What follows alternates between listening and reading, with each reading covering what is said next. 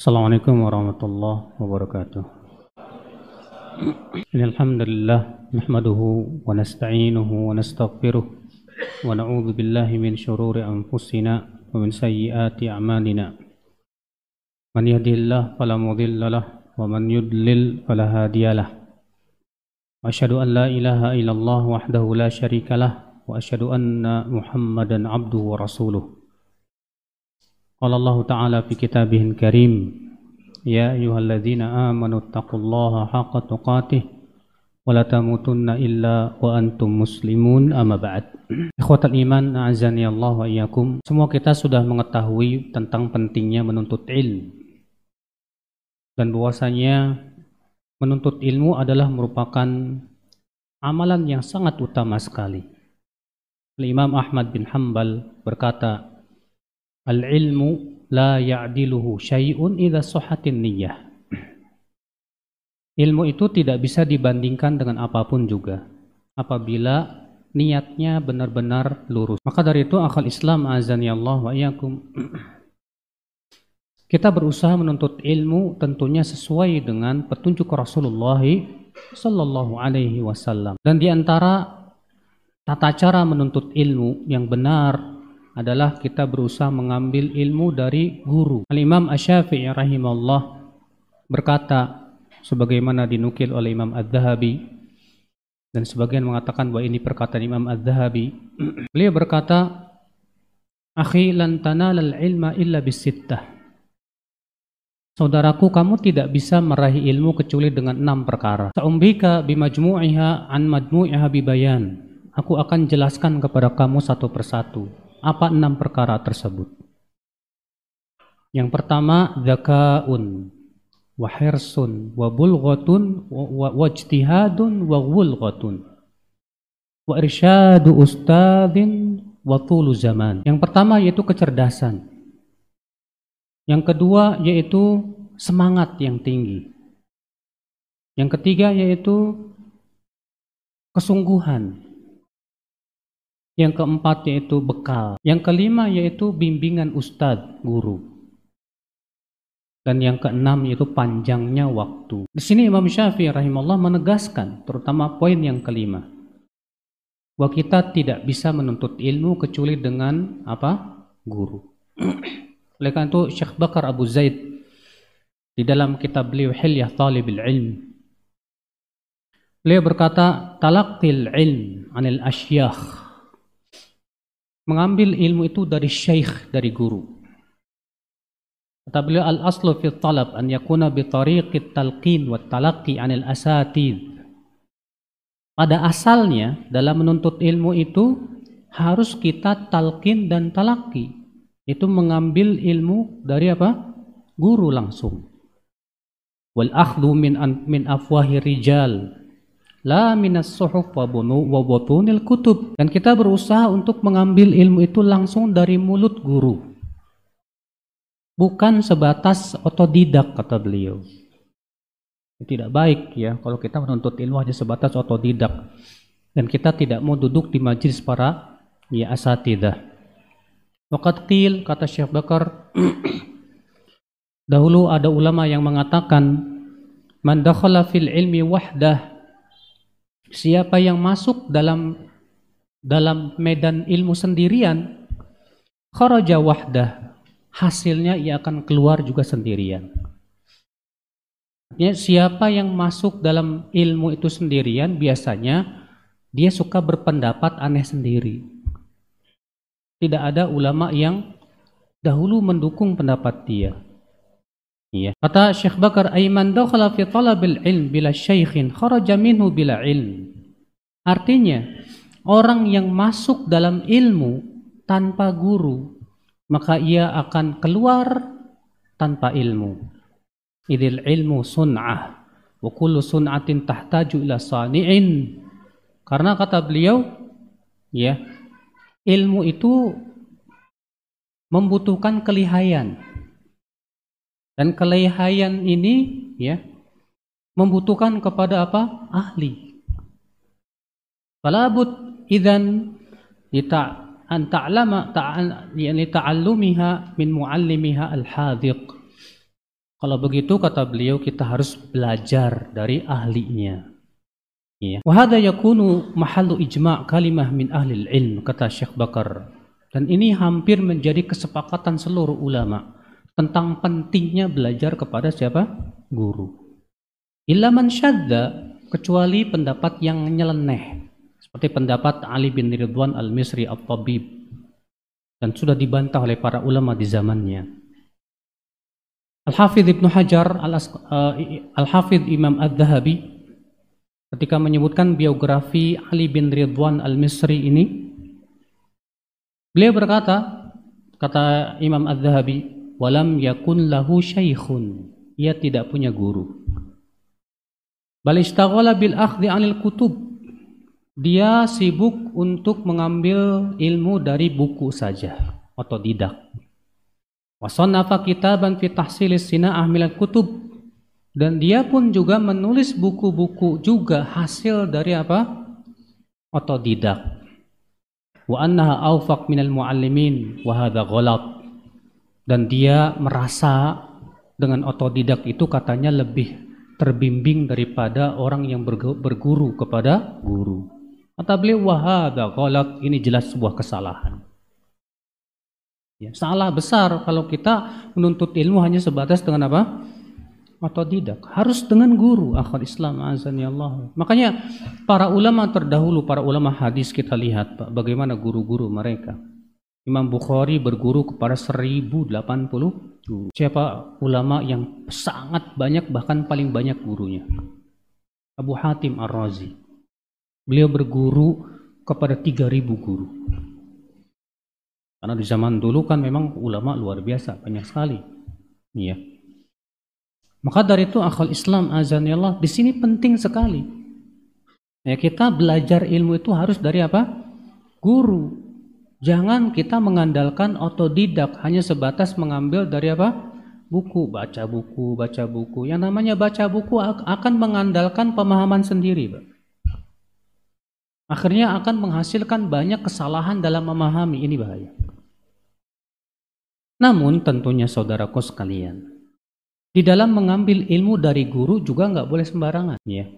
Nggak bisa kita ngambil sembarangan dalam mengambil ilmu. Ah, udah saya mengambil ilmu dari siapa saja. Yang penting ambil baiknya, buang buruknya. Kita katakan ini aneh. Kamu sebagai penuntut ilmu pemula, ambil baiknya, buang buruknya, kemampuan kamu sampai mana? untuk membedakan ini baik ini buruk. Karena tidak setiap orang yang membawa Al-Quran, membawa hadis pemahamannya benar ya. Ketika Rasulullah SAW mensifati kaum khawarij, apa kata Rasulullah tentang kaum khawarij? Yaqra'una al-Quran la yujawizu taraqiyahum. Mereka membaca Al-Quran tapi tidak sampai apa? Kerongkongan. Maksudnya apa sih? Dangkal pemahamannya kata para ulama. Dan umat muslim yaquluna min qawli khairil bariyah.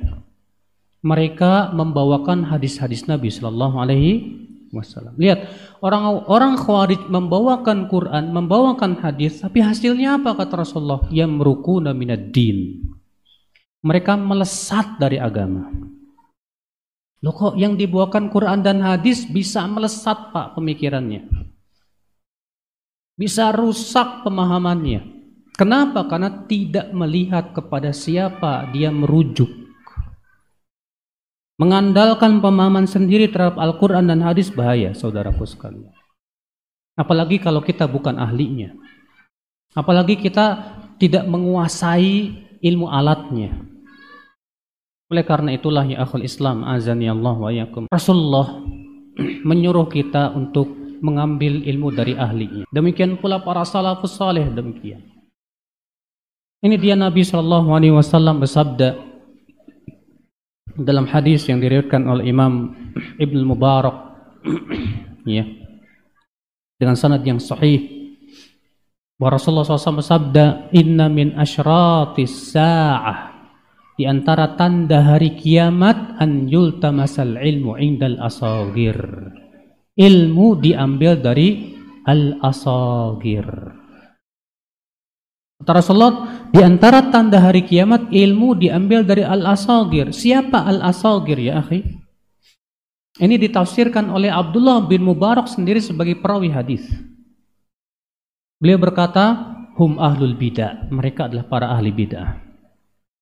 Dan dalam riwayat Nuaim berkata, Abdullah Mubarak menafsirkan, humul ladina yaquluna bi ra'ihim yaitu orang-orang yang kalau berbicara tentang agama hanya mengandalkan pendapat saja. Hanya mengandalkan apa? Akal saja. Nanti yang seperti ini ya Rasulullah mengatakan kalau orang sudah mengambil ilmu dari orang jenis seperti ini yang pemikirannya menyesatkan yang hanya sebatas mengandalkan pendapat dan akal ya semata maka itu tanda hari kiamat kata Rasulullah SAW. Berarti ini larangan tidak Pak? Larangan. Syekh Albani rahimahullah ketika menafsirkan makna al-asagir ya. Siapa itu al-asagir? Al-asagir kata beliau mereka orang-orang yang dangkal ilmunya walaupun usianya tua. Walaupun misalnya dia akidahnya bagus. Dia akidahnya al-sunnah, tapi kalau dangkal ilmunya tetap tidak boleh di, diambil. Makanya akhul Islam azani Allah wa yakum. Berapa banyak di zaman dahulu akhul Islam orang-orang yang meriwayatkan hadis tapi tidak diambil ilmunya, kenapa? Laisu min ahli. Ternyata mereka bukan ahlinya. Akhul iman azani Allah wa yakum. Oleh karena itulah ya akhi, salafus saleh juga menganjurkan demikian. Ini dia Abdullah bin Umar. Beliau mengatakan dinaka dinaka. Innama huwa damuka walahmuka agamamu jaga. Agamamu jaga. Ia adalah darah dagingmu kata Ibnu Umar khud anil ladzina istaqamu. Ambil dari orang yang istiqomah yang lurus. Wala ta'khud anil ladzina malu dan ah, jangan ambil dari orang yang apa? Menyimpang Muhammad bin Sirin berkata, "Inna hadzal ilma din, fanzuru amman ta'khuduna dinakum." Sesungguhnya ilmu ini agama. Maka lihat oleh kamu dari siapa kamu mengambil agamamu. Lihat. Lihat oleh kamu dari siapa, Pak? Kamu mengambil agamamu. Ya akhi, azani Allah ya. Para ulama terdahulu akhi mereka tidak pernah sembarangan di dalam menuntut ilmu Allah Subhanahu. Imam Bukhari berjalan sebulan lamanya untuk mengambil ilmu dari seseorang. Lalu kemudian ketika telah sampai di tempat si alim ulama ini, Imam Bukhari melihat dia sedang melakukan perbuatan menipu ayam, di mana dia seakan-akan ngasih sesuatu ke ayam padahal enggak. Melihat itu Imam Bukhari langsung pulang lagi nggak mau ambil ilmu dari dia. Kata Imam Bukhari kalau ayam saja dia tipu, saya takut kita juga ditipu sama dia. Karena Imam Bukhari masya Allah hati-hatinya luar biasa pak. Mungkin kalau Imam Bukhari hidup di zaman sekarang dibully habis pak. Ya. Di zaman ulama terdahulu pak, ada seorang alim ulama yang ilmunya luar biasa sampai dikatakan bahwa beliau itu sekelas dengan Sufyan Atsauri. Namanya Al-Hasan bin Saleh bin Hay. Namun Al-Hasan bin Saleh bin Hay ini punya pemikiran apa? Boleh memberontak kepada penguasa. Maka ulama di zaman itu mentahdir dan melarang duduk di majlis Al-Hasan bin Saleh bin Hay. Karena pemikirannya tersebut. Akhul Islam azani Allah wa Maka dari itulah hati-hati akhul Islam azani Allah wa Ya. Seorang ulama salaf terdahulu mengatakan, "Kunna idza aradna an na'khudha an ahadin." Kami dahulu apabila ingin mengambil ilmu dari seseorang, jalasna syahrain, kami duduk dua bulan. Kami duduk apa? Dua bulan. Kenapa? Linatasa'al an, kami bertanya-tanya ke orang-orang tentang dia, ini siapa dia?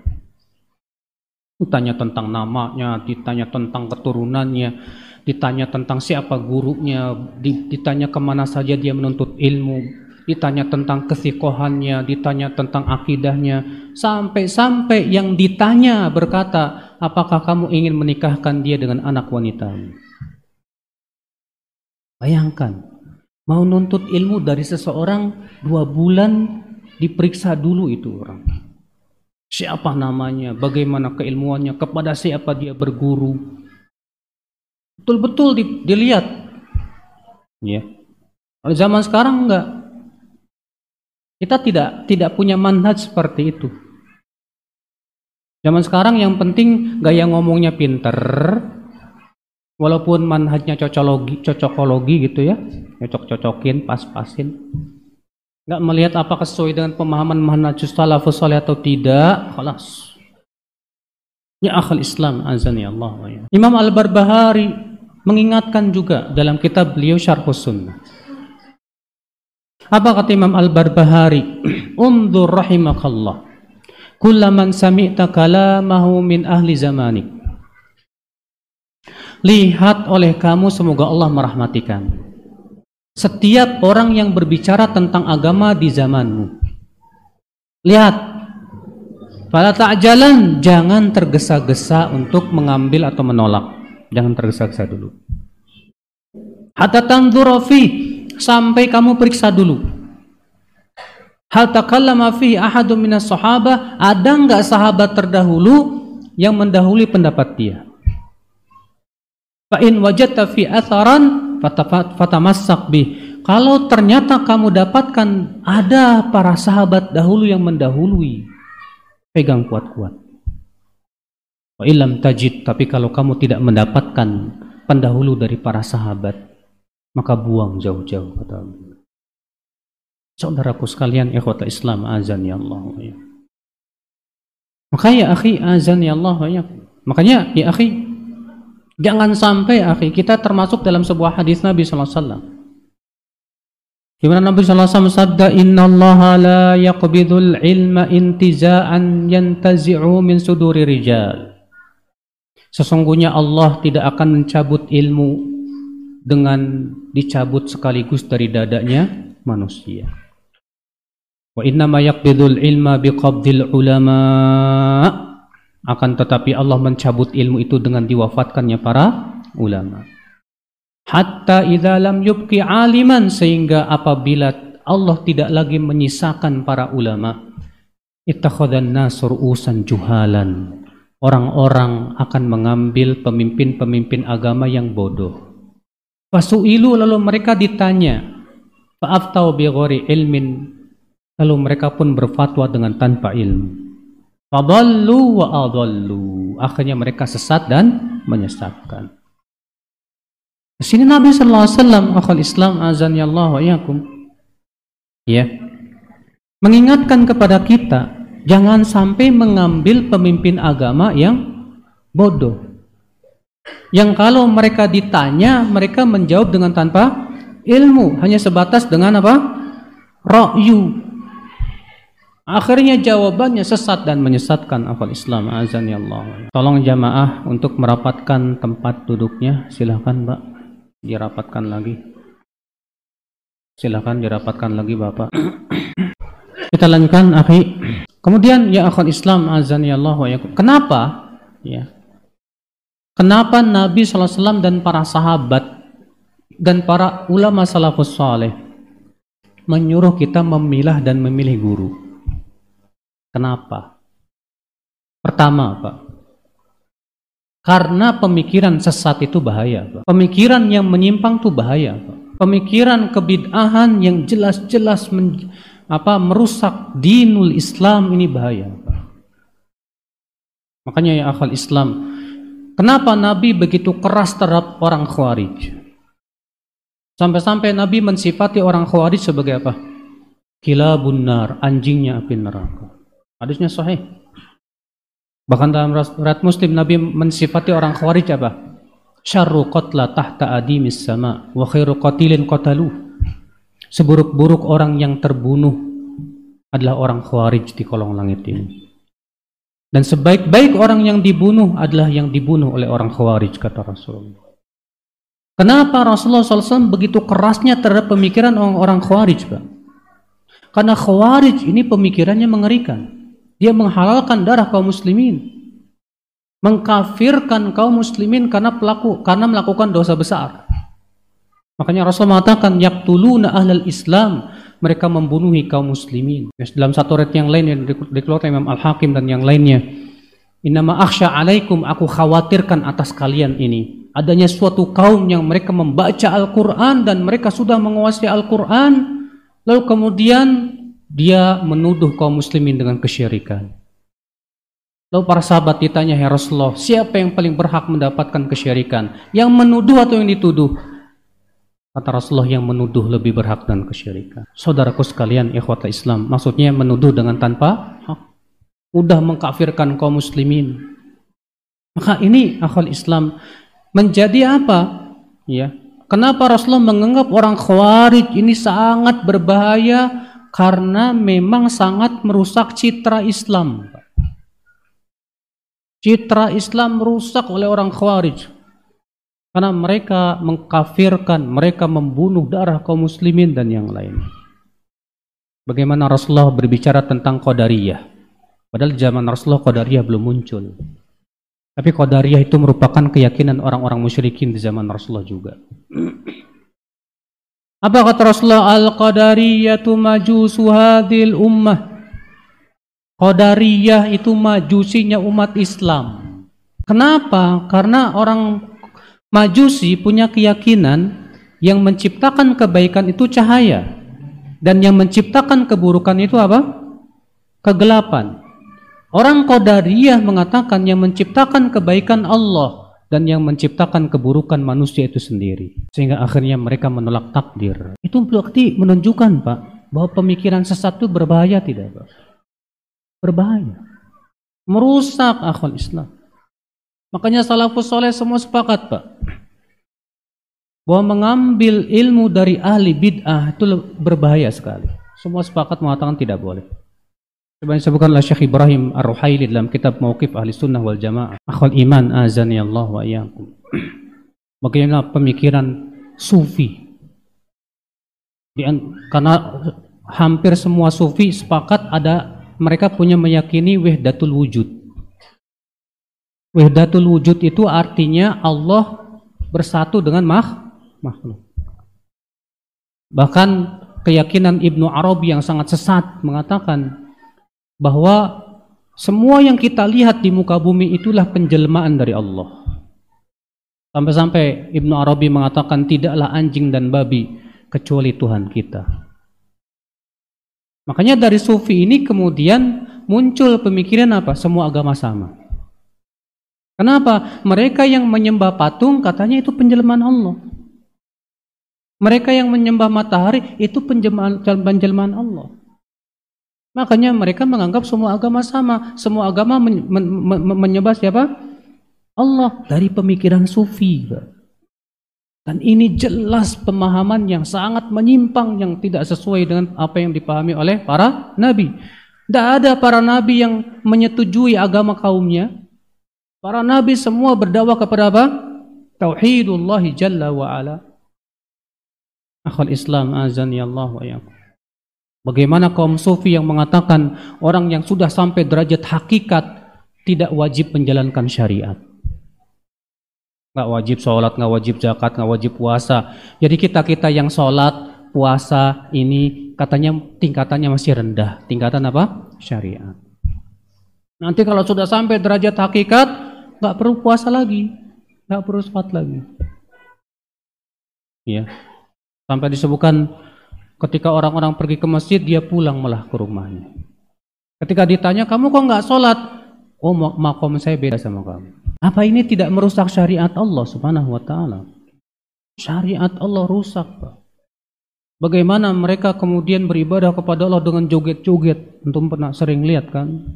Ya, sampai gini. Kayak orang gila sudah. Iya. Apa seperti itu yang diajarkan Rasulullah? Wallah. Tidak pula para sahabat. Bagaimana Syiah yang mengkafirkan para sahabat? Kalau sahabat dikafirkan, maka periwayatan para sahabat diragukan tidak? Sementara yang membawa Al-Quran kepada kita, kita siapa? Para sahabat. Yang membawa hadis kepada kita siapa? Para sahabat. Berarti kalau para sahabat dikafirkan, Quran dan hadis kita diragukan. Ketika mereka ditanya, lantas kalian dari mana mengambil? Kami punya imam yang maksum. Bikin lagi kebidaan yang besar. Ya. Akhul Islam azani Allah ya. Sehingga akhirnya mereka menyamakan pendapat imam mereka dengan pendapat dengan sabda Rasulullah SAW. Maksum sudah. Bagaimana keyakinan Mu'tazilah yang mengatakan akal lebih tinggi dari dalil. Setiap dalil yang bertabrakan dengan akal wajib ditolak atau ditakwil. Kerusakan ini. Makanya kenapa kita tidak boleh belajar sembarangan supaya terpelihara akidah kita. Karena setiap ahli bid'ah, setiap orang-orang yang sesat pasti akan berusaha mencari apa? Berusaha mencari dalil yang sesuai dengan keinginan mereka. Pasti itu untuk melariskannya. Makanya kata Syekhul Islam, ya kebatilan itu kalau murni batil tidak akan ada orang yang mau menerimanya. Tapi kebatilan itu dicampur dengan sedikit kebenaran. Dipoles dengan apa sedikit kebenaran sehingga akhirnya laris di tengah-tengah kaum kaum muslimin terkadang. Saudara-saudaraku sekalian, ikhwatul Islam azan ya Allah. Kenapa kita harus memilah dan memilih guru, Pak? Alasan yang kedua, tadi alasan yang pertama apa? Yang kedua, karena berbicara tanpa ilmu sangat berbahaya, saudaraku. Kalau antum belajar dari seorang guru yang ilmunya dangkal, atau orang yang hanya sebatas mengandalkan ro'yu, dia pasti akan berbicara tanpa din, tanpa dalil. Sementara Allah menganggap, Pak, bahwasanya berkata tanpa ilmu itu asal segala macam keburukan. Allah berfirman di dalam surat Al-A'raf ayat 33. Qul innama harrama rabbiyal fawahish ma dhahara minha wa ma batan wal ithma wal baghya bighairil haqqi wa an tusyriku billahi ma lam yunazzil bihi sultana wa an taqulu 'ala Allahi ma la ta'lamun. Katakan Sesungguhnya yang diharamkan oleh Robku perbuatan fahisyah yang tampak maupun yang tersembunyi. Dan dosa. Dan berbuat zolim di muka bumi dengan tanpa hak. Dan kamu berbuat mempersekutukan Allah itu berbuat syirik. Dan kamu berkata atas Allah dengan tanpa ilmu. Lihat kata Ibnu Qayyim dalam kitab I'lanul Muwaqqi'in. Allah memulai di sini dari yang kecil dulu, fahisyah. Terus naik kepada apa? Dosa. Naik lagi kepada apa? Berbuat zolim dengan tanpa hak. Naik lagi kepada apa? Syirik. Padahal syirik ini dosa paling besar tidak apa? Ternyata Allah tidak menutup ayat itu dengan syirik, Pak. Allah menutup dengan firman-Nya dan kamu berkata atas Allah dengan tanpa ilmu. Kenapa kata para ulama? Karena munculnya syirik gara-gara berkata tanpa ilmu munculnya berbagai macam kesesatan, pemikiran yang menyimpang gara-gara berkata tanpa ilmu. Makanya kata para ulama berkata tanpa ilmu itu umdatul dolal, sumber berbagai macam kesesatan. Maka kalau kamu punya guru yang dia hanya bicara sebatas dengan ro'yu, dengan tanpa ilmu, bahaya. Bisa menyesatkan kita, akhul Islam, azan ya Allah menafsirkan Al-Quran dengan pemikirannya, menafsirkan hadis dengan ra'yunya, berbicara tentang agama din dengan sebatas ra'yunya saja. La haula wa la quwata illa billah. Bagaimana? Kan hancur agama ini, akhul Islam, azan ya Allah wa ya. Makanya penting sekali ya akhul Islam ya kita memilah dan memilih apa? Guru. Kenapa? Sekali lagi saya katakan, ini untuk keselamatan agama kita. Ya. Seorang itu tergantung gurunya. Kalau antum dapatnya guru yang sesat, khalas. Kalau antum dapat gurunya, Masya Allah dia punya akidah yang lurus, manhaj yang lurus, Alhamdulillah. Makanya para ulama salaf dahulu mengatakan bahwa nikmat yang paling besar yang Allah berikan kepada seorang pemuda adalah diberikan guru yang lurus akidah dan manhajnya. Ya Allah, akhul Islam azani Allah wa Lalu bagaimana sifat-sifat guru yang harus kita ambil ilmunya? Yang pertama, yaitu al-ahliyah. Usahakan ambil ilmu dari yang betul-betul sudah ahli ya. Berkata al-imam An-Nawawi rahimahullah wala yata'allamu illa mimman takammalat ahliyatuh wa dhaharat diyanatuh wa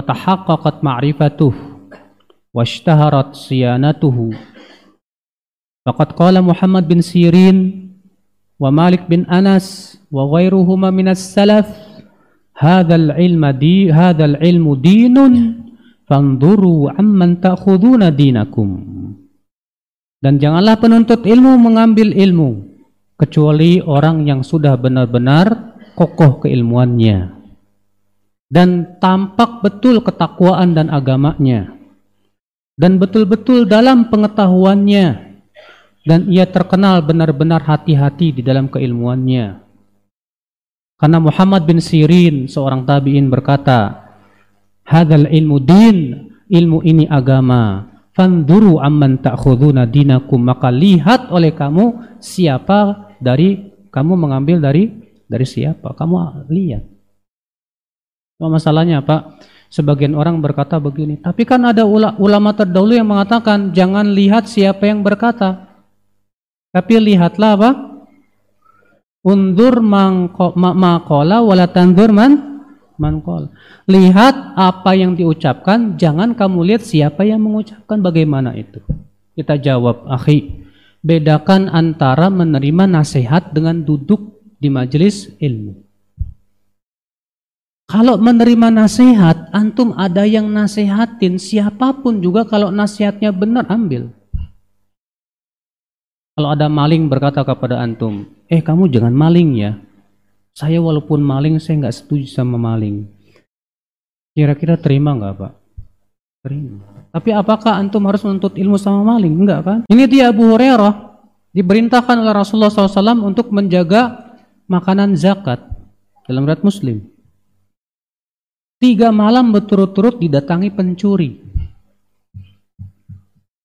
Malam pertama ditangkap sama Hurairah. Tapi si pencuri ini minta dikasihani karena katanya miskin dan banyak keluarganya. Dilepaskan. Pagi harinya Rasulullah bertanya kepada Abu Ya, apa yang kamu lakukan dengan tawananmu? Malam kedua Hurairah kembali menangkapnya. Kembali dia minta dikasihani. Di pagi harinya Rasulullah kembali mempertanyakan. Malam ketiganya, kali ini Abu Hurairah tidak akan melepaskan. Apa kata pencuri ini, hai Abu Hurairah? Maukah aku ajarkan kepada kamu apa yang kamu baca sebelum tidur, kamu akan terlindung dari setan. Apa itu kata Abu Hurairah? Baca ayat kursi sebelum tidur, kamu akan terlindung dari setan. Akhirnya Abu Hurairah melepaskannya. Di pagi harinya, Rasulullah bertanya kepada Abu Hurairah, apa kata Abu Hurairah, Rasulullah? Dia mengatakan begini, kalau aku membaca ayat kursi sebelum tidur, aku akan terhindar dari godaan setan sampai pagi hari. Apa kata Rasulullah, Pak? Sodakoka wa huwa Kali ini dia benar walaupun tukang dusta. Hai Abu Hurairah, kamu tahu tidak siapa yang tiga hari berturut-turut yang datang mencuri itu? Atau Abu Hurairah, tidak tahu ya Rasul. Atau Rasul itu setan. Setan yang datang. Setan ngajarin Abu Hurairah kalimat. Baca ayat kursi sebelum tidur, kamu akan terlindung dari setan sampai subuh. Dan ternyata Rasulullah mengatakan apa? Kali ini dia benar, walaupun tukang dusta. Abu Hurairah tidak langsung mengamalkan, tapi nanya dulu kepada siapa? Rasulullah. Rasulullah mengatakan benar kali ini, walaupun tukang dusta, tapi Rasulullah tidak mengatakan silahkan untuk ilmu ke setan. Beda tidak, Pak? Bedakan antara ini dan itu. Kalau menuntut ilmu artinya kita bersimpuh untuk mengambil apa? Ilmu dia. Maka tidak boleh sembarangan. Kalau kita bersimpuh mengambil ilmu dia berarti dia harus harus, harus ahli, harus kokoh ilmunya, kuat akidah dan manhajnya. Supaya kita tidak terpengaruh oleh pemikiran dia yang sesat. Akhwan Islam azan ya Allah wa. Jadi bedakan antara ini dan itu ya. Jangan disamakan. Nah ini, Ini nah, apa sifat yang pertama. Hendaklah kita mengambil ilmu itu dari orang yang memang sudah benar-benar ahlinya, kokoh keilmuan dia. Dari mana kita tahu, Pak? Si fulan sudah ahli apa belum? Saya mau tanya sama antum. Kalau antum pengen tahu seorang dokter itu ahli apa tidak, nanyanya ke siapa? Ke ustadz? Salah. Ustadz, itu dokternya ahli apa enggak? Siapa saya? Saya bukan dokter. Berarti kalau pengen tahu dokter ahli atau bukan, nanya ke siapa? Dokter. Kalau kamu pengen tahu dia ahli bangunan, ahli atau bukan, tanyanya ke siapa? Ke petani. Petani mana tahu tentang bangunan? Tanya kepada ahli bangunan. Kalau kamu pengen tahu seseorang ini sudah ahli dalam masalah jahit menjahit, nanya ke siapa? Oke. Kalau kamu pengen tahu seorang ustadz ini sudah kokoh keilmuannya atau tidak, nanya ke siapa? Kelas. Antum sudah bisa menjawab. Maka ya akal Islam azani Allah wa yakum. Salah besar antum mengukur keilmuan itu dengan keilmuan antum sendiri. Oh, hebat ini ilmunya Ustadz. Kenapa? Bisa hafal sampai nomor-nomornya. Bisa, wah. Sementara para asatidah mengatakan enggak. Wah, ini hebat ini ya ustadz ini ya cara bicaranya bikin nangis wah ya akhi kalau dia dianggap dokter oleh petani tapi para dokter tidak menganggap dia dokter menurut antum gimana? Tanda tanya. Kenapa para dokter tidak mengakui? Kok para petani mengakui? Siapa dia? Bukan ahlinya. Maka dari itulah ya akal Islam azan ya Allah. Makanya per, ulama terdahulu bertanya kepada para ulama juga. Ketika mereka seperti misalnya Imam Al-Hakim disebutkan ketika seorang muridnya ingin berangkat ke Baghdad, ingin belajar ke ulama-ulama Baghdad, nanya dulu ke Imam Al-Hakim, ya, kepada siapa aku harus mengambil di Baghdad? Gak masalah, akhi seorang penuntut ilmu untuk kehati-hatian gak masalah. Karena keselamatan agama itu segala-galanya. Ya, keselamatan agama itu segala-galanya. Ikhwata Islam azan ya Allah wa. Ini sifat yang pertama. Sifat yang kedua. Salamatul aqidati wal manhaj. Selamat akidah dan manhajnya. Jangan sampai guru antum pemikirannya khawarij. Jangan sampai antum punya guru ternyata pemikirannya murjiah. Jangan sampai antum punya guru ternyata pemikirannya mu'tazilah mendewakan akal. Jangan sampai pula antum punya pemikiran yang mengatakan bahwa orang yang sampai derajat hakikat tidak perlu lagi apa? Syariat. Jangan sampai antum punya guru yang senang berbicara sebatas dengan apa? Akal. Ya. Hati-hati akal Islam azan ya Allah. Makanya penting sekali penuntut ilmu untuk faham betul tentang bagaimana akidah Ahlussunnah wal Jamaah. Pelajari akidah Ahlussunnah wal Jamaah dari A sampai Z. Setelah antum kuasai betul keyakinan-keyakinan Ahlussunnah, antum akan bisa membedakan mana Ahlussunnah mana bukan. Tapi kalau antum nggak pernah belajar tentang akidah Ahlussunnah wal Jamaah dari A sampai Z, antum nggak bisa membedakan. Ah, Gak bisa membedakan mana ini alusuna, mana bukan. Karena terkadang penampilannya sama. Berjenggot, di atas mata kaki cingkrang. Tapi ternyata pemikirannya berbeda. Ini suka ngebom. Dan menyatakan dirinya salafi. Ya salafnya dia Khuwaisirah. Iya. Kaya akal Islam azan ya Allah wa Sekali lagi selamat. Sudah kita sebutkan tadi dalilnya di antara tanda hari kiamat ilmu diambil dari siapa? Al-Asagir. Siapa Al-Asagir kata Ibnu Barak? Ahli bid'ah. Dalam Ibnu Nuaim itu orang yang hanya berbicara dengan apa? Akal dan pendapatnya saja. Iya.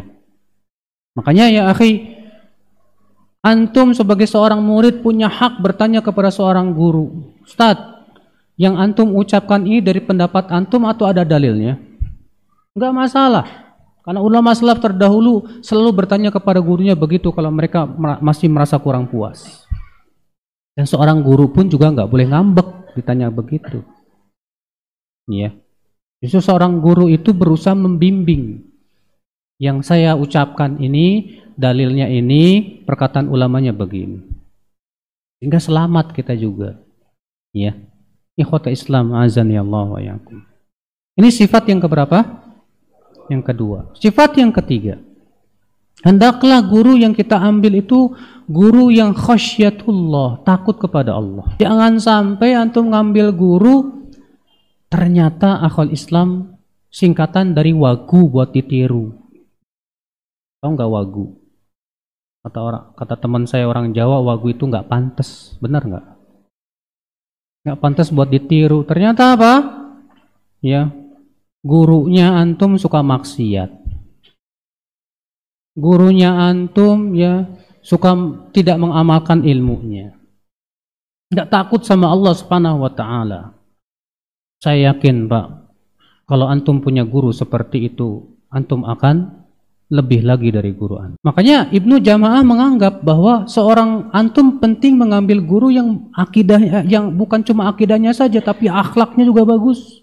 Kalau misalnya antum punya guru ya kalau ngomong itu kebun binatang ada semua Pak, ada anjing, ada babi, ada apa keluar Anak yakin murid lebih lebih buruk biasanya. Gitu. Betapa pentingnya kita mem memiliki guru yang ternyata bisa kita apa? Tiru dari sisi akhlaknya. Sebagai zaman terdahulu mengatakan adalah yang menghadiri majelis Imam Ahmad itu ada 12.000 orang.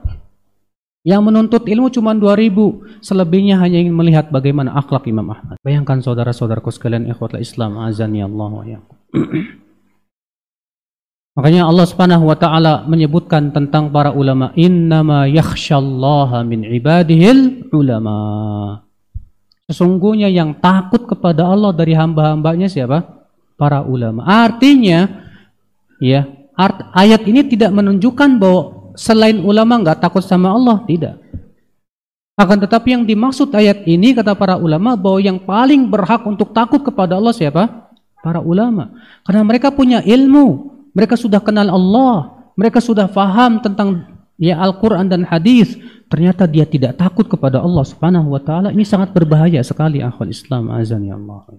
Walaupun tentunya Pak, sehebat apa pun dan setakwa apa pun guru pasti punya kekurangan.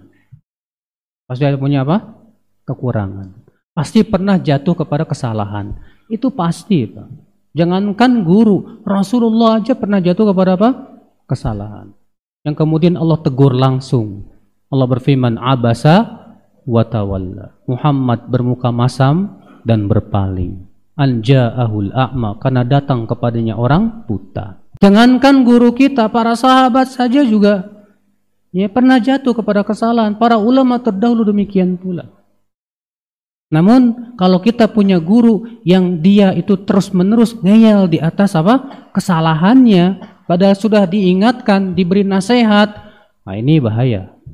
Berarti ini pengikut hawa hawa nafsu. Kalau memang jelas kesalahannya, kesalahan yang jelas-jelas salah menurut Allah dan Rasulnya dan ijma para ulama. Adapun kalau menurut kita salah tapi ternyata ikhtilaf para ulama dalam masalah itu, masalah-masalah ijtihadiyah kita tidak boleh saling memaksakan pendapat. Ikhwatal Islam azani Allah wa iyyakum. Iya. Jadi, akhi, ini sifat yang keberapa? Yang ketiga. Hendaklah guru yang kita ambil ilmunya adalah guru yang benar-benar takut kepada Allah Subhanahu wa taala. Iya. Sehingga ketika kita menuntut ilmu pun dijadikan kita takut kepada Allah. Adapun guru yang membuat antum keras hatinya jangan deh Pak. Bagaimana caranya? Majlis taklimnya dari awal sampai akhir ketawa atau Ada Rasulullah mengatakan apa? Iya, wa kasratab dhahik. Jauhi oleh kamu banyak tertawa.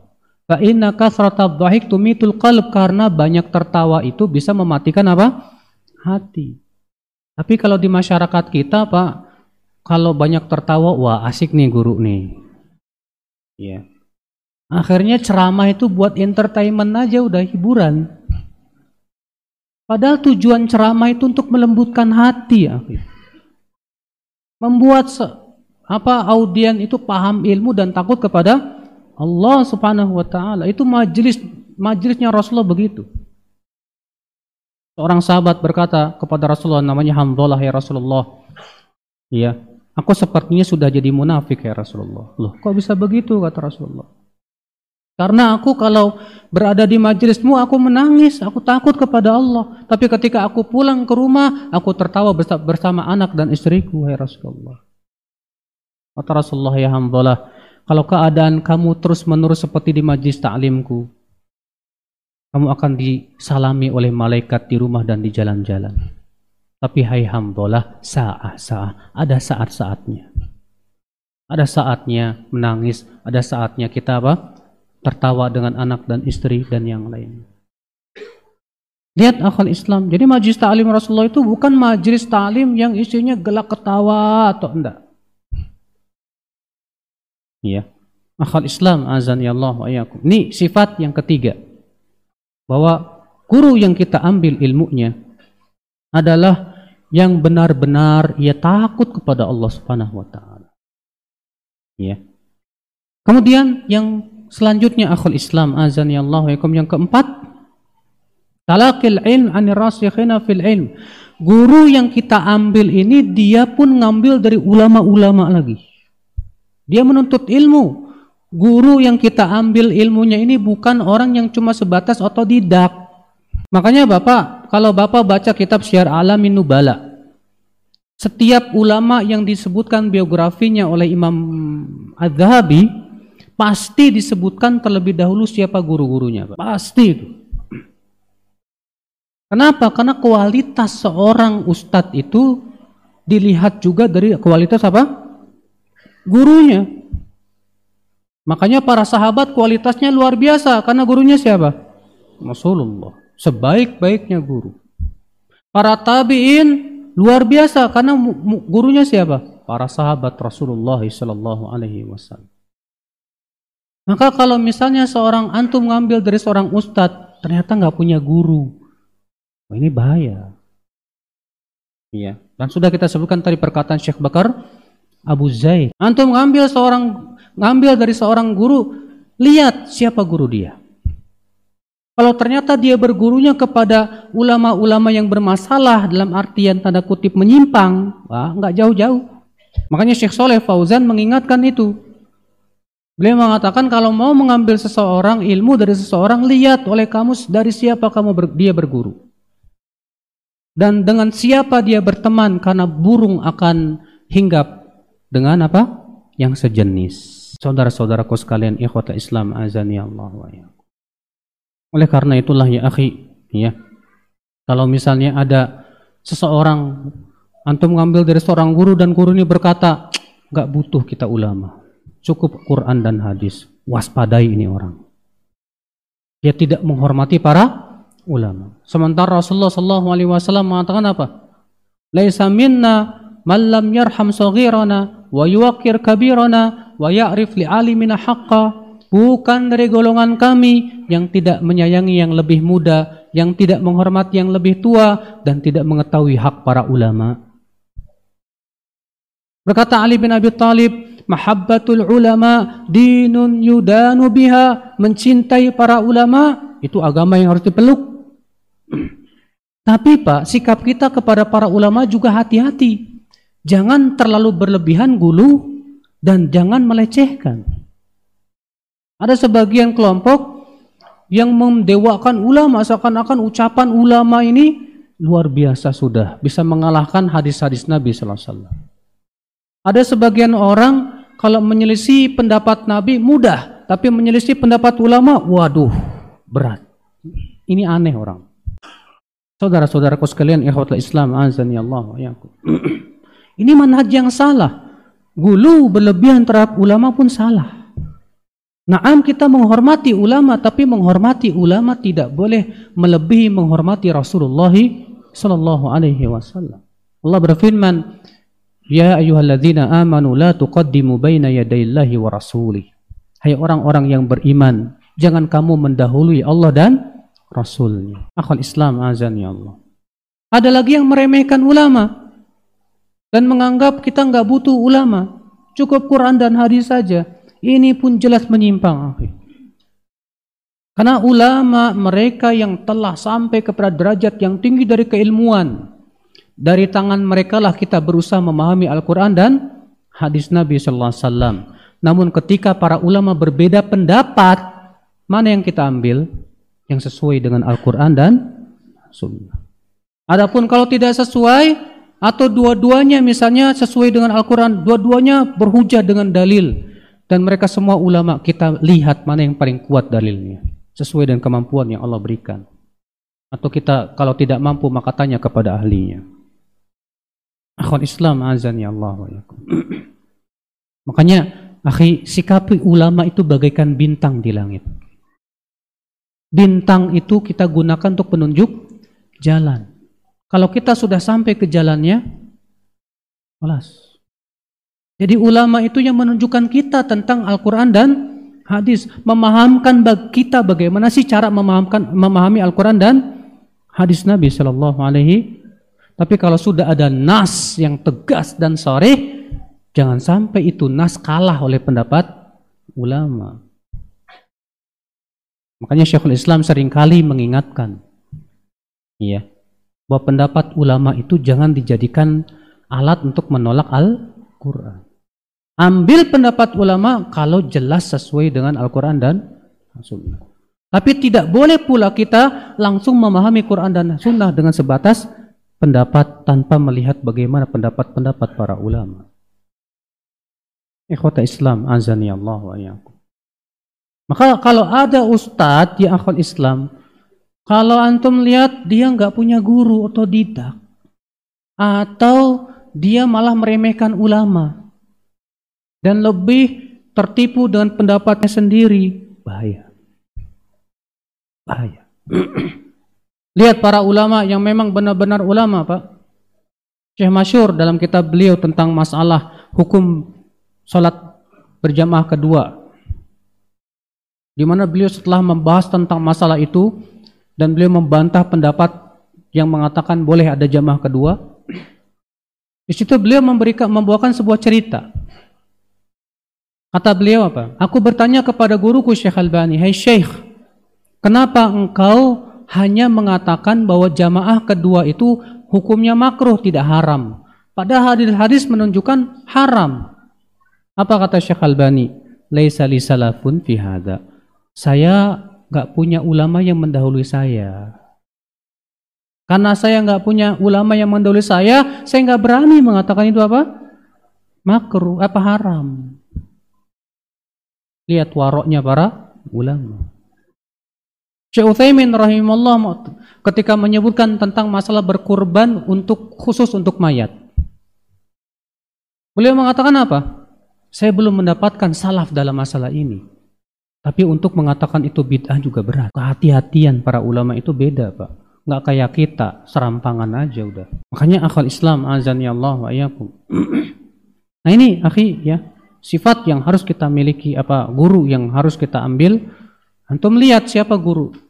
Guru dia siapa? Nggak masalah antum tanya Ustadz Afwan antum berguru kepada siapa aja? Kalau memang dianggap itu nggak sopan ya coba kita tanya ke orang lain yang paham tentang dia karena kalau kita lihat biografi para ulama terdahulu begitu si fulan berguru dari fulan fulan fulan fulan fulan fulan fulan disebutkan guru-gurunya itu iya Ikhwatal Islam azani Allah wa. Kemudian akal Islam maghrib jam berapa ya? Apa? Kurang berapa menit? Kalau kurang tuh kurang setengah jam, kurang 15 menit, kurang 10 menit. Hampir jam setengah tujuh. Masya Allah. Baik. Kemudian sifat selanjutnya. ya. Allah yakuna min ashabi tatabur min min ashabi tatabu'ir rukhas wa minal mutasahilin fi fatawihim wa ta'limihim. Jangan sampai kita mengambil ilmu dari seorang guru yang selalu mencari-cari pendapat ulama yang nyeleneh, Pak. Iya. Contohnya nyeleneh gimana? Contoh misalnya ketika Imam Abu Hanifah mengatakan arak itu yang terbuat dari anggur saja. Selain anggur nggak disebut arak. Padahal pendapat Abu Hanifah ini dibantah oleh jumhur ulama dan mengatakan bahwa ini pendapat yang batil. Dan ini kesalahan Abu Hanifah. Kenapa? Karena Nabi mengatakan kullu muskirin khamrun wa kullu mukhamrin haram. Setiap yang memabukkan itu apa? Arak. Dan setiap arak itu apa? Haram. Baik bagaimana Pak? Kalau ada pemuda mabuk-mabukan atau minum arak yang terbuat dari rambutan. Ketika antum ingkari, dia bilangnya apa? Hormati madhab Abu Hanifah. Padahal ini madhab jelas batil. Contoh lagi misalnya, pendapat sebagian ulama yang mengatakan wanita boleh menikahkan dirinya sendiri. Walaupun tanpa ada saksi dan tanpa apa? Wali. Tahu-tahu pulang kawin aja. Loh, bapaknya nggak setuju. Oh kata ulama ada mengatakan boleh. Ya. Ini kan jelas bertabrakan dengan dalil. Nabi mengatakan la nikah illa wali. Tidak sah nikah kecuali dengan wali dan dua sakit. Nabi juga bersabda ayyuma mra'atin nakahat bi wari idzni waliya fa wa batil batil batil. Wanita mana saja yang menikah dengan tanpa izin walinya maka nikahnya apa? Batil, batil jelas. Beda kalau memang ini ikhtilaf ulama yang betul-betul apa? Kuat dua-duanya dalilnya. Dan ini masalah ijtihadiyah yang tidak ada nasnya. Maka ya nggak masalah. Iya, Silahkan Anda merojikan itu, saya merojikan ini, kita tidak perlu saling menyesatkan dan saling tidak perlu kita saling memaksakan apa?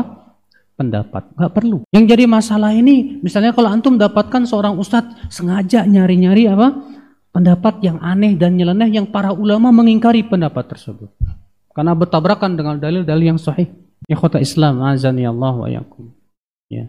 Makanya Ibnu Jauzi ketika menyebutkan tentang Ahmad Arwandi, Ahmad Arwandi ini kata Imam Jauzi dia tertuduh zindik. Dia mengatakan bahwa hukum sama sama itu ibadahnya orang sufi sambil pukul rebana sambil nari-nari. Di zaman dahulu salafus soleh semua ijma bahwa ini bid'ah yang mungkar. Tapi Ahmad Arwandi ingin supaya cara ibadah ini diterima di masyarakat. Caranya gimana, Pak? Dikesankan bahwa ini ikhtilaf ulama. Apa kata Ahmad Ar-Rawandi ini di, di, di, disebutkan oleh Ibnu Jauzi demikian Syekhul Islam Taimiyah dalam Majmu' Fatawa. Dia mengatakan ikhtalafan nas fi hukmi sama ila qaulain. Manusia berbeda pendapat tentang hukum sama ini menjadi dua pendapat. Yang per, pendapat pertama mengatakan haram. Pendapat yang mengatakan yang kedua mengatakan apa? Boleh. Adapun saya pendapatnya wajib. Waduh. Padahal Imam Syafi'i mengingkari perbuatan itu ya. Dalam beberapa apa tempat demikian pula para ulama terdahulu akhul Islam azan ya Allah ya. Nah, kalau mencari-cari apa kesalahan para ulama pasti jadi orang zindik. Makanya Abu Zur Ar-Razi mengatakan apa? Man tatabba'a rukhasal ulama tazandaqa. Siapa yang suka mencari-cari kesalahan-kesalahan ulama untuk dijadikan apa? Pegangan. Ini orang bisa jadi zindik ini orang lama-lama. Iya. Nah, itu yang dilakukan oleh orang liberal di zaman sekarang, Mbak. Mereka cari-cari pendapat-pendapat yang kira-kira apa? Pas dengan pendapatnya. Kemudian dijadikan apa? Hujah, kuat-kuat. Nih, iya. Walaupun bertabrakan dengan Quran, hadis, demikian pula ijma para salafus saleh. Enggak peduli. Akhul Islam azani Allah wa yakum. Nah di sini akhi azani Allah wa yakum kita di sini juga hati-hati ya terhadap orang jenis seperti ini. Karena para ulama pun juga ya mengingatkan ya supaya tidak mengambil ilmu dari orang yang jenis seperti ini akal Islam azan ya Allah wa. Berkata Al-Imam Ibn Al-Muflih dalam kitab At-Taqrir, yahrumu tasahulul mufti wa taqlidu ma'rufin bihi. Haram seorang mufti terlalu bermudah-mudahan dalam berfatwa. Maksudnya terlalu mudah dalam berfatwa maksudnya yaitu mencari-cari pendapat ulama yang nyeleneh. Wataklidu ma'rufin bihi dan tidak boleh mengikuti seorang mufti yang terkenal suka begitu. Ya, ikhwata Islam azani Allah wa iyyakum. Kemudian akal Islam di antara ya sifat seorang guru yang hendaknya kita ambil ilmunya ya akal Islam azan ya Allah wa yakum yaitu ambillah dari seorang guru yang dia memang ya betul-betul perhatian terhadap ilmunya kuat. Dia betul-betul punya perhatian terhadap apa? Ilmu. Karena perhatian terhadap ilmu itu menunjukkan kekokohan ilmu.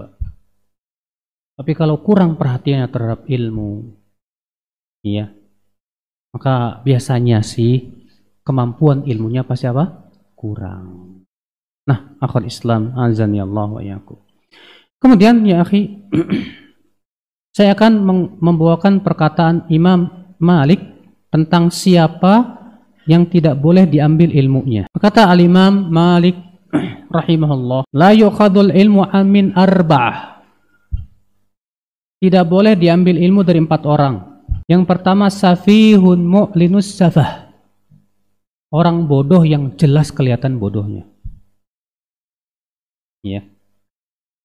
Orang bodoh artinya dia suka melakukan perbuatan-perbuatan kebodohan, ya. Di mana dia melakukan perbuatan yang bodoh. yang kedua, wasahibu hawa yad'u ilaih dan pengikut hawa hawa nafsu yang menyerukan kepada hawa nafsunya itu kebid'ahan, ahli bid'ah. Ya karena para ulama terdahulu menamai ahli bid'ah itu sebagai sahibu hawa. Ya. Yang ketiga, warajulun ma'rufun bil kadzib fi haditsin nas wa in kana la yakdzib ala Rasul SAW. Orang yang dia suka berdusta dalam ucapannya walaupun tidak berdusta atas nama Rasulullah Sallallahu Alaihi Wasallam ini pun tidak boleh diambil ilmunya. Yang ketiga, eh nggak berapa? Yang keempat, warajulun lau fadlun wa salah la ya'rif ma yuhadithu bih. Orang yang soleh, bagus, ibadahnya hebat. Tapi dia nggak faham hadis yang dia sampaikan, soal apa doif, nggak paham. Jadi kalau sebatas dia soleh, ahli ibadah, tak dulu pak. Kalau ternyata dia tidak punya apa? Kemampuan untuk membedakan mana sahih, mana doif. Pokoknya bawain hadis, bawain hadis, bawain hadis. Ditanya Ustadz sahih, sahih apa enggak? Udahlah pokoknya ini hadis. Doif, doif juga hadis kok. Oh ini bahaya akhi. Sebab kalau dia seperti itu Pak, dikhawatirkan akan berdusta atas nama Rasulullah Sallallahu Alaihi Wasallam. Dan berdusta atas nama Rasulullah tidak sama dengan berdusta atas nama siapa pun juga. Makanya ya akal Islam azan ya Allah ya. Dalam mengambil ilmu itu jangan sebatas tertipu oleh ke kehebatan ibadahnya saja. Karena orang khawarij pun disifati oleh Rasulullah ibadahnya mantap banget Pak. Rasulullah mensifati orang khawarij apa Pak? Tahkiruna solatakum bisolatim. Kalian akan menganggap remeh solat kalian dibandingkan dengan solat mereka, puasa kalian dibandingkan dengan puasa mereka, amal kalian dibandingkan dengan amal mereka, kalian terasa remeh, kecil. Ibadahnya orang Khawarij luar biasa sampai-sampai Ibnu Abbas ketika mendatangi orang Khawarij, kata Ibnu Abbas apa? Aku lihat jidatnya hitam, tangannya kapalan, tangannya. Saking kuatnya ibadah mereka. Kenapa? Kata Ibnu Abbas mereka di malam di waktu malam gak tidur untuk tahajud. Di waktu siang selalu puasa. Tapi Rasulullah mensifati mereka apa? Melesat dari agama. Maka jangan kita lihat sebatas ahli ibadah atau tidaknya, tapi lihat akidahnya. Lihat apa? Akidahnya. Itu sangat penting sekali saudaraku sekalian ikhwatul Islam azan ya Allah wa yakum. Baik, akhi, kita cukupkan dulu dan insya Allah pada maghrib kita buka khusus tanya jawab. Bagi yang ingin bertanya tolong dipersiapkan dari sekarang ya. Tapi pertanyaannya hanya dengan uh, kertas saja. Bila taufik subhanakallah bihamdik syadu ala ilaha illa anta. Assalamualaikum warahmatullahi wabarakatuh.